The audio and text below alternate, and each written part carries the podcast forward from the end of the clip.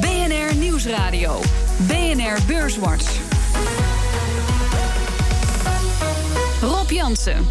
Welkom bij Beurswatch, het enige beleggingsprogramma op de Nederlandse radio met Han Dieperink van de Rabobank en Rijn Schutte van Indexus. Heren, welkom. Um, ja, zondag, niet donderdag. Zondag gaan de kiezers uh, in Duitsland naar de stembus, het machtigste land uh, in Europa. En Angela Merkel die gaat er als de peilingen kloppen met de winst vandoor. Maar het is volstrekt onduidelijk welke coalitie er gaat komen. Uh, Han, hoe kijk jij naar die verkiezingen als belegger, als econoom? Maak je je er zorgen om of juist helemaal niet?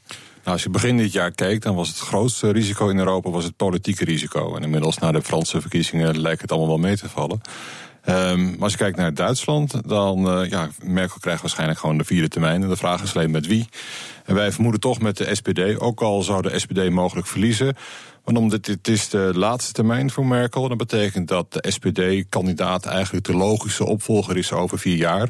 Dus zelfs als de SPD verliest, dan zal dus Merkel samen met de SPD uh, een coalitie gaan vormen. En dan betekent het eigenlijk dat het goed is voor Europa. Want uh, SPD samen met CDU en Macron, dat is een duidelijk pro-Europese koers die dan ja. uh, ingeslagen wordt. Ja, daar ben jij voorstander van. Uh, Rijn, kijk jij er ook met een gerust hart naar uit? Ja, kijk, in, in de aanloop waren er al niet echt spanningen wat dat betreft. En die, Martin Schulz is ook een pro-Europa-kandidaat. Dus wie het ook zou worden, dat zou voor de koers verder niet zo heel veel uitmaken. Nee. Ik denk de enige spanning die er in verkiezingsland nog is, is Italië. En dat is later dit jaar. Ja. Um, uh aan de andere kant is het wel zo. Er moet, ze gaat regeren met een. Ja, we weten nog niet welke coalitie. Um, er is ook wel iets aan de hand in Duitsland. Namelijk, het land heeft aan de ene kant een heel groot begrotingsoverschot. Volgens mij 24 miljard euro. Ja. Um, daar uh, zullen Zuid-Europese landen uh, van dromen. Aan de andere kant is er ook een hele grote categorie. Dat blijkt misschien niet uit uh, hoe die verkiezingen gaan verlopen. als al alternatieven voor Duitsland. Een populistische partij waarschijnlijk in het parlement komen. Dus een hele grote groep in, in Duitsland die moeite heeft om de eindjes aan elkaar te knopen. Er zijn mensen die twee banen moeten hebben. Gepensioneerden uh, uh, hebben niet veel. Um, Han, zou dat, zou, zouden ze dat begrotingsoverschot daarvoor niet kunnen inzetten om die positie te verbeteren? Nou, als je gewoon kijkt naar de, de, de koopkrachtontwikkeling van Duitsland ten opzichte van de rest van Europa, dan doet Duitsland toch een stuk beter. Natuurlijk heb je Duitsland ook wel specifieke problemen. Heb je natuurlijk ook wel dat er natuurlijk bepaalde groepen er tussenuit zijn gevallen. Hmm. Maar Duitsland als totaal doet het toch duidelijk een stuk beter. Duitsland zijn ook wel tevreden over hoe het gaat en willen toch wel de stabiliteit van Merkel. Die zijn erg voor uh, die rust die er nu is. Ja. Dus uh, ik denk inderdaad alternatief voor Duitsland, die komen wel op. Maar ook de FDP, die heeft toch een, een goede kandidaat eigenlijk. En als hij dan genoeg wint, dan kan het mogelijk maandag misschien wat voor iets onrust zorgen. Als dan die kandidaten wat sterker naar voren zijn gekomen. Maar desondanks komt er waarschijnlijk toch gewoon die brede coalitie met, uh, met de SPD. Ja, uh, kortom, uh, ja zeg maar mijn zorg. Want je zegt ja, over het algemeen, dat, zeg maar, het gemiddelde zegt niets over de verdeling. Het feit dat een aanzienlijke groep ja, het wat moeilijker heeft, dat zie jij niet als een probleem. Jij ook niet, Rijn?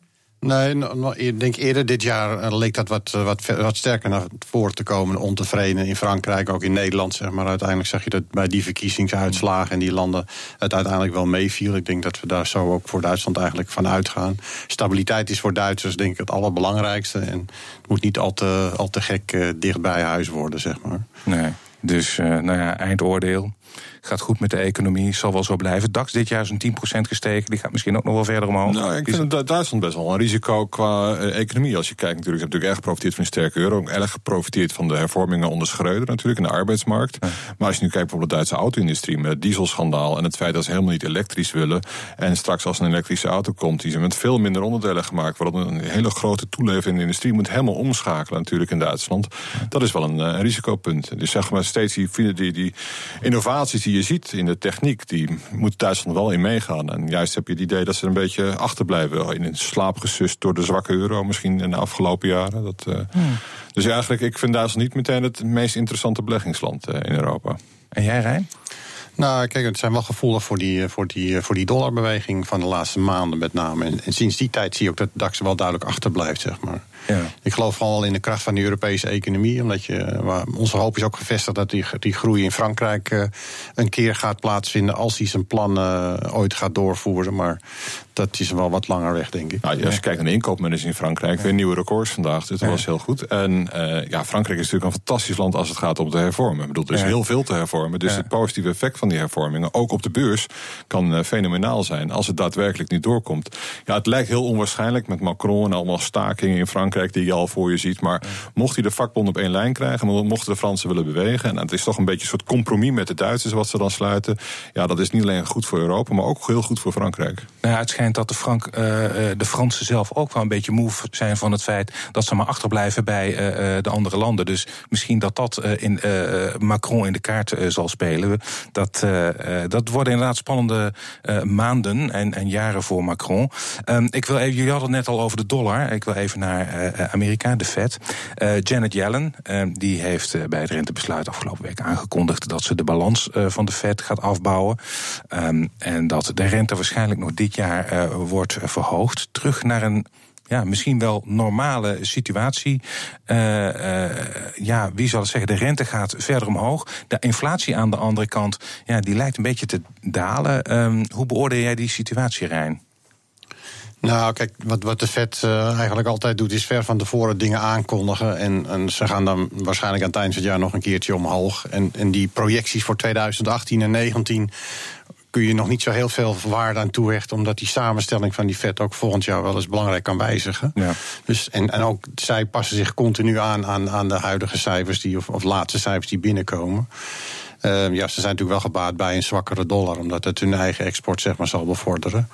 Mm. Maar ja, op rentegebied uh, en uh, inflatie is gewoon ja, wereldwijd uh, veel lager dan normaal gesproken. Zij denken nog steeds dat het een tijdelijk fenomeen is. En het enige wat daar echt in verandering kan brengen is denk ik als er echt looninflatie zou gaan ontstaan. En dat zien we tot op heden nog niet, maar wel, dat kan zo komen.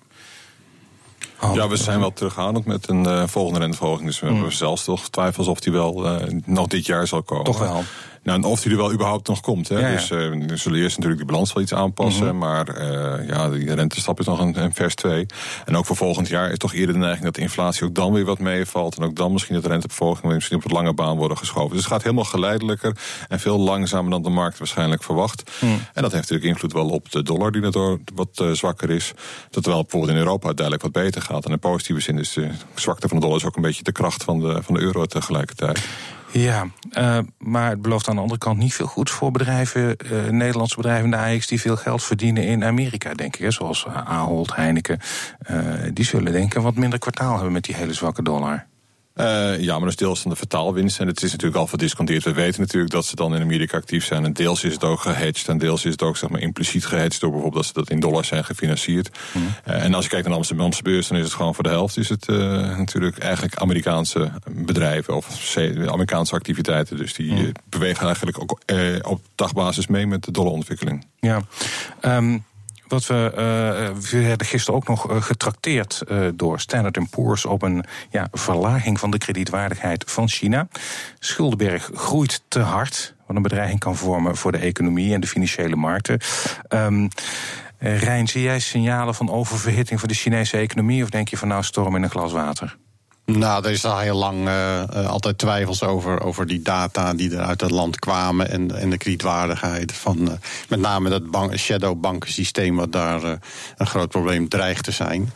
Uh, ja, wat betreft die economische groei uh, zie je dat ze eind vorig jaar, begin dit jaar gestimuleerd hebben. En dat dat ook wel weer in de cijfers in, tot in, uit, in uitdrukking komt. Hmm. Dus op zich is die groei daar ook. Je hebt wel volgende maand weer uh, dat vijfjaarlijkse partijcongres van die communistische partij. Dat wordt denk ik wel goed naar gekeken wat die plannen daarop zullen gaan, gaan voortbrengen. Ja, ik geloof dat dat deels een politiek signaal is, omdat zeg maar, dat volgende maand die, uh, dat het 19e volkscongres is. Ja. Um, en ze zijn eigenlijk te laat, omdat Fitch en Moody's al eerder hebben verlaagd. En als je kijkt bijvoorbeeld naar de verlaging van Moody's, is in mei was dat, dan uh, was het een start punt voor een rally in Chinese aandelen en de, en de renminbi. Dus die is meer 10, 12 procent gestegen vanaf dat niveau. Iedereen zegt dat het georchestreerd is. Als je kijkt naar China als land, en iedereen heeft allerlei twijfels bij de data van zaken ook. Maar als je kijkt gewoon naar het, het, overschot op de lopende rekening. Er is geen land ter wereld geweest die zo'n groot overschot heeft op de lopende rekening. Dat betekent dus gewoon, ja, zij bezitten gewoon de wereld. En dan hoe kun je dan de rating verlagen? Het is net als met Japan, die heeft ook een A-plus rating. Ja, die heeft overal assets en overal activa uitstaan. En zelfs landen waar ze dan activa hebben uitstaan, die hebben een hogere rating dan Japan, zeg maar, van het land dat feitelijk dat andere land bezit. Dus ik snap niet uh, dat waarom die ratings in Azië zo laag liggen. Uh, ik vond eigenlijk wel bemoedigend dit, deze week, eerder deze week, dat de rating voor Portugal werd verhoogd. Dus eigenlijk zeg je toch dat uh, die weer investment grade was geworden. Ja. En dat was toch wel dat was een opsteker eigenlijk. Dat het met Zuid-Europa in ieder geval ook, in ieder geval met dat land ja. wat beter gaat. Ja, absoluut. Nou. Zometeen dan praten we verder over de beurs. En dan met name over Heineken, Unilever en L'Oréal. BNR Nieuwsradio. BNR Beurswatch. We gaan het hebben over de Europese staalfusie en over ontwikkelingen bij Heineken en Unilever. En dat doe ik met Han Dieperink van de Rabobank en Rijn Schutte van Indexus. Maar eerst maken we de balans op van de afgelopen week. De AEX die sloot op 528 punten en dat is 1 tiende procent hoger dan vorige week. Stijgers. Op weekbasis waren de drie sterkst gestegen aandelen in de AEX. Op nummer 1 Egon met een plus van 3,7 procent. SBM Offshore kreeg er 3,5 procent bij en Shell ook 3,5 procent hoger. En het midcap aandeel dat het best presteerde deze week was OCI met een plus van 8,9 procent. Dalers. Dalers. Dalers. Op nummer 1 staat Altis, de grootste daler in de AEX deze week met een min van 4,8 procent. Nummer 2 is Heineken met een min van 4,5 procent. En op 3 staat ArcelorMittal met een min van 3,5 procent. En in de midcap was de grootste daler deze week Intertrust met een min van 2,9 procent. En de AX die is deze week uh, één dag maar hoger gesloten. Drie dagen lager en één dag precies onveranderd. Um, ja, kijkend naar deze lijst, uh, Han uh, Heineken, dat is ja toch voor veel beleggers geeft dat een beetje een oranje gevoel, die brouwer, denk ik. er staat ook niet vaak op die lijst met grootste dalers. Um, is dit volledig toe te schrijven aan het feit dat FEMSA, de groot aandeelhouder, Mexicaanse groot aandeelhouder, een belang heeft verkocht? Ja, die heeft een belang verkocht en die heeft ook nog een belang. Dus de angst is, natuurlijk dat ze nog wat meer gaan verkopen. Ze hadden oorspronkelijk 20 procent. Dus een stukje van verkocht. En misschien volgt er nog meer. Ja, dan uh, is er een grote verkoper boven de markt, om het zo te zeggen. Dan kan het wat druk geven. En hij heeft natuurlijk als aandeel fantastisch gedaan. Dus dan misschien dat het excuus om nu eventjes wat gas terug te geven. Maar zo spectaculair was natuurlijk ook weer niet de ontwikkeling. Nee, oké. De koersdaling was er niet echt dat het helemaal in elkaar stort hoor. Dus het blijft natuurlijk een behoorlijk gewaardeerd aandeel. Ja, het is alleen zo dat de aandeelhoudersverhoudingen gaan veranderen. Daar komt het eigenlijk op neer. Um, ik, eh, we blijven even in de uh, fast-moving consumer goods, de consumentengoederen. Uh, namelijk Unilever. Luisteraars die kunnen hun opmerkingen of vragen mailen naar beurswatch bnr.nl. En daar kwam vandaag een vraag binnen over Unilever. Over bedrijven die het goed hebben gedaan. Natuurlijk ook flink gestegen nadat uh, Kraft Heinz zijn interesse heeft getoond. Maar uh, is uh, deze week ook 3% gedaald. Heb, hebben jullie daar een verklaring voor? Ja, nou, je ziet een beetje wat, wat veel op de beurs de laatste jaar, anderhalf jaar plaatsvindt, zijn van algoritmeprogramma's of kwantitatieve programma's. En die zoeken nou eigenlijk naar thema's. En die hebben van de week dan weer, uh, zijn ze eigenlijk weer een beetje een reflatiethema gaan opzoeken. Dus uh, die rente zou wat gaan stijgen na die Fed-meeting. Dan koop je banken, verzekeraars die profiteren van een wat hogere rente. En ja, dan moet je posities tegenover afbouwen. En dan zie je dat de, de voedingssector, maar ook een Ahold, zie je dan weer onder druk komen. En een Unilever. Dat is een beetje de verklaring. Je ziet van de, van de grote zakenbanken die dit aandeel volgen zijn wel op zich optimistisch over de toekomst voor dit aandeel. Maar vinden het qua prijs op dit moment eigenlijk rond die 50 euro wel mooi zo. Dus daar zit niet heel veel extra's in. Dus voor dat soort aandelen wordt een beetje van de hand gedaan. En dan zoeken ze weer wat aandelen op waar wat meer uh, excitement op de korte termijn in zit. Kan volgende week zo weer unwind worden en dan en, ja, zo slecht heeft hij het ook niet gedaan. Misschien wel die 3% nee, deze week. Even, dit was de vraag van de luisteraar. Die vroeg namelijk, ja, het gaat zo goed. En nu deze week ineens 3%. En hij vroeg, is daar, uh, hebben, je, hebben jouw gasten daar misschien een verklaring voor? Dat nee, ik begrijp het. Maar dus als je kijkt naar hoe hij het gedaan heeft... dan ja. kun je vergelijken met de wereldwijde beurs of met de AX. Maar je kan het ook gewoon vergelijken met de concurrenten. Dus bijvoorbeeld de concurrent van Unilever is, uh, is Nestlé. Nestlé heeft het dit kwartaal 10% slechter gedaan in koers dan Unilever. Dus in dat perspectief heeft Unilever nog heel goed gedaan eigenlijk, in vergelijking met Nestlé. Dat is meer de vraag, wat is er aan de hand dan bij Nestlé en waarom staat het dan af op Unilever? Dus is dat dan nog mindere groeivooruitzichten. Maar ik denk vooral dat het ook een relatief verhaal is. Dat iedereen ja, zoekt toch een beetje inderdaad in de tech en dat soort namen. Dus de spectaculaire groei. En die hele stabiele groeinamen, die waren natuurlijk vooral gezocht op het moment dat mensen een soort alternatief zochten voor obligaties. En die waardering is best wel wat opgelopen in de afgelopen jaren. Ja. En dat hij dan iets terug heeft. Maar hij loopt denk ik ook wat mee met uh, de, de, de, namen in de sector, die dan ook uh, wat onder druk staan. Dus toch een relatief waarderingsverhaal. Als je dan denkt, nou ja, oké, okay, als het 10% af is van Nestlé, ja, dan kan Unilever misschien ook wel uh, 3% inleveren. Ja, en ja, jij zei, er zit nu wel er zit waarschijnlijk niet veel rek meer in. Aan de andere kant, er wordt ook uh, flink gereorganiseerd bij Unilever en ook Nestlé. Ze hebben allebei activistische aandeelhouders uh, in de nek hijgen. Vandaag is bekend geworden dat uh, Unilever in Zuid-Afrika zijn spreads heeft verkocht. Dus, ja, ja, dus wellicht dat er toch nog wel meer in het vat zit. Of ben ik iets te optimistisch? Uh, nou ja, ze zijn natuurlijk allebei onder druk om hun, hun winstgevendheid en om een groeiperspectieven te verhogen, te verbeteren, mhm. te optimaliseren. En ja, bij Unilever was het dan om de spreads te verkopen. Dat is iets wat een gigantische kaststroom genereert, maar niet groeit. Ja. ja, en als je dat wil verkopen, ja, dan is natuurlijk steeds die verlokking van die gigantische kaststroom die je dan maar niet kwijt wil. Maar nu hebben ze blijkbaar toch een goede koper gevonden, voor een deel. Uh, en dat is toch een mooi bedrag. Dus, ja. ja. ja. Um, uh, in dezelfde sector, uh, L'Oréal. Um, het grootste cosmetica-concern volgens mij ter wereld. Uh, op de beurs zo'n 100 miljard euro waard. De grootste aandeelhouder is overleden, zoals de rijkste vrouw, Lilian Bettencourt.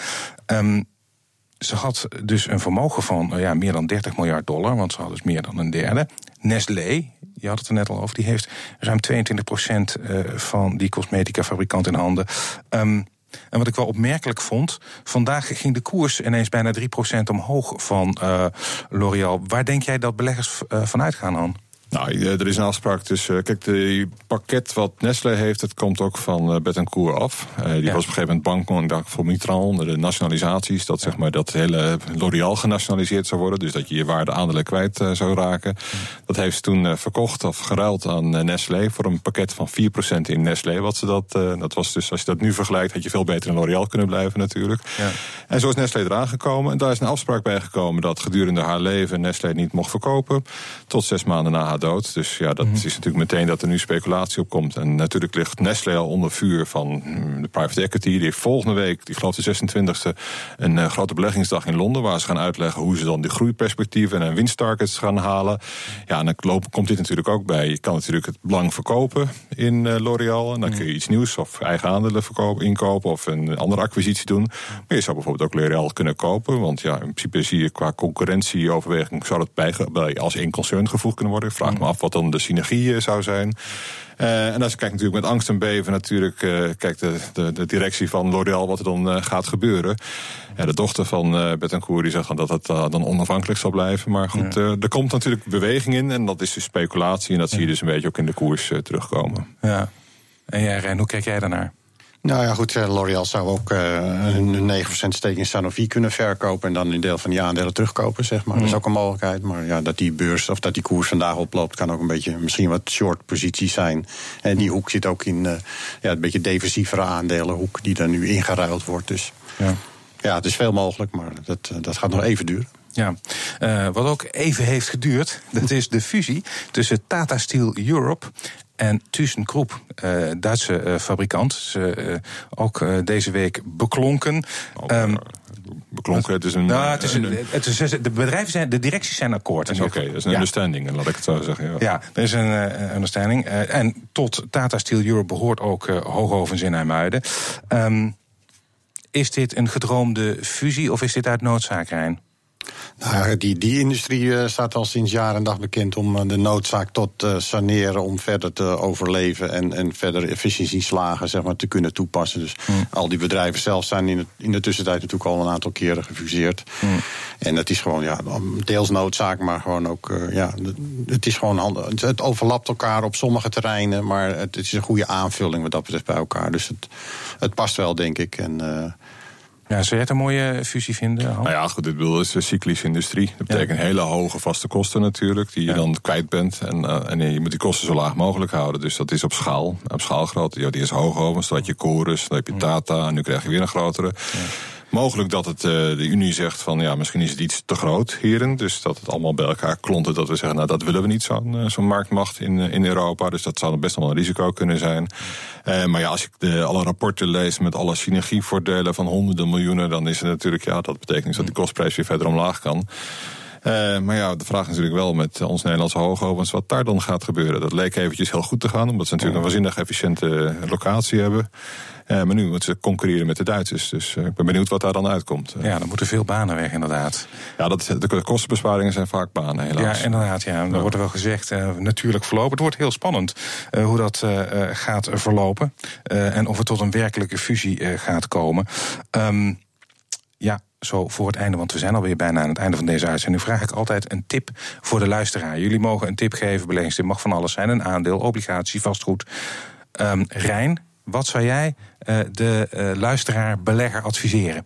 Ja, kijk, wij bij indexen gebruiken natuurlijk vrij veel van die trackers, zeg maar. En, en om, uh, ja, omdat je volgens ons toch wel echt in Europese aandelen echt de meeste kansen ziet, zou ik beleggen in de Stocks Europe 600 index.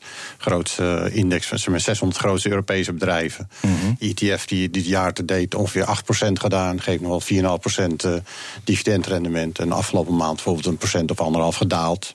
Dat is gewoon een beetje een ja, eenvoudige, goed gespreide belegging Europese aandelen. Waarmee je dus profiteert van de Europese. Uh, Verder herstel van de economie. Ja. Han, waar, ga, waar zit jij op in? Nou, ik heb iets binnen obligaties. We hebben deze week uh, geadviseerd om het een ruil te maken van global high yield, van high yield obligaties naar emerging debt. En we hebben heel lang high yield gefavoriseerd. En vorig jaar wel heel wat extra aangezet, omdat door die lage olieprijs die spreads heel erg opliepen. Ja. Nou, inmiddels zijn die helemaal weer genormaliseerd en ligt hij op niveau zodat eigenlijk high yield wel wat duur is geworden. Maar emerging debt heeft de dollar mee, dus dat is goed voor emerging markets. Die profiteert van die wat lagere inflatie, met name in opkomende markten. Je ziet dus, dus dat die rentes daardoor omlaag kunnen.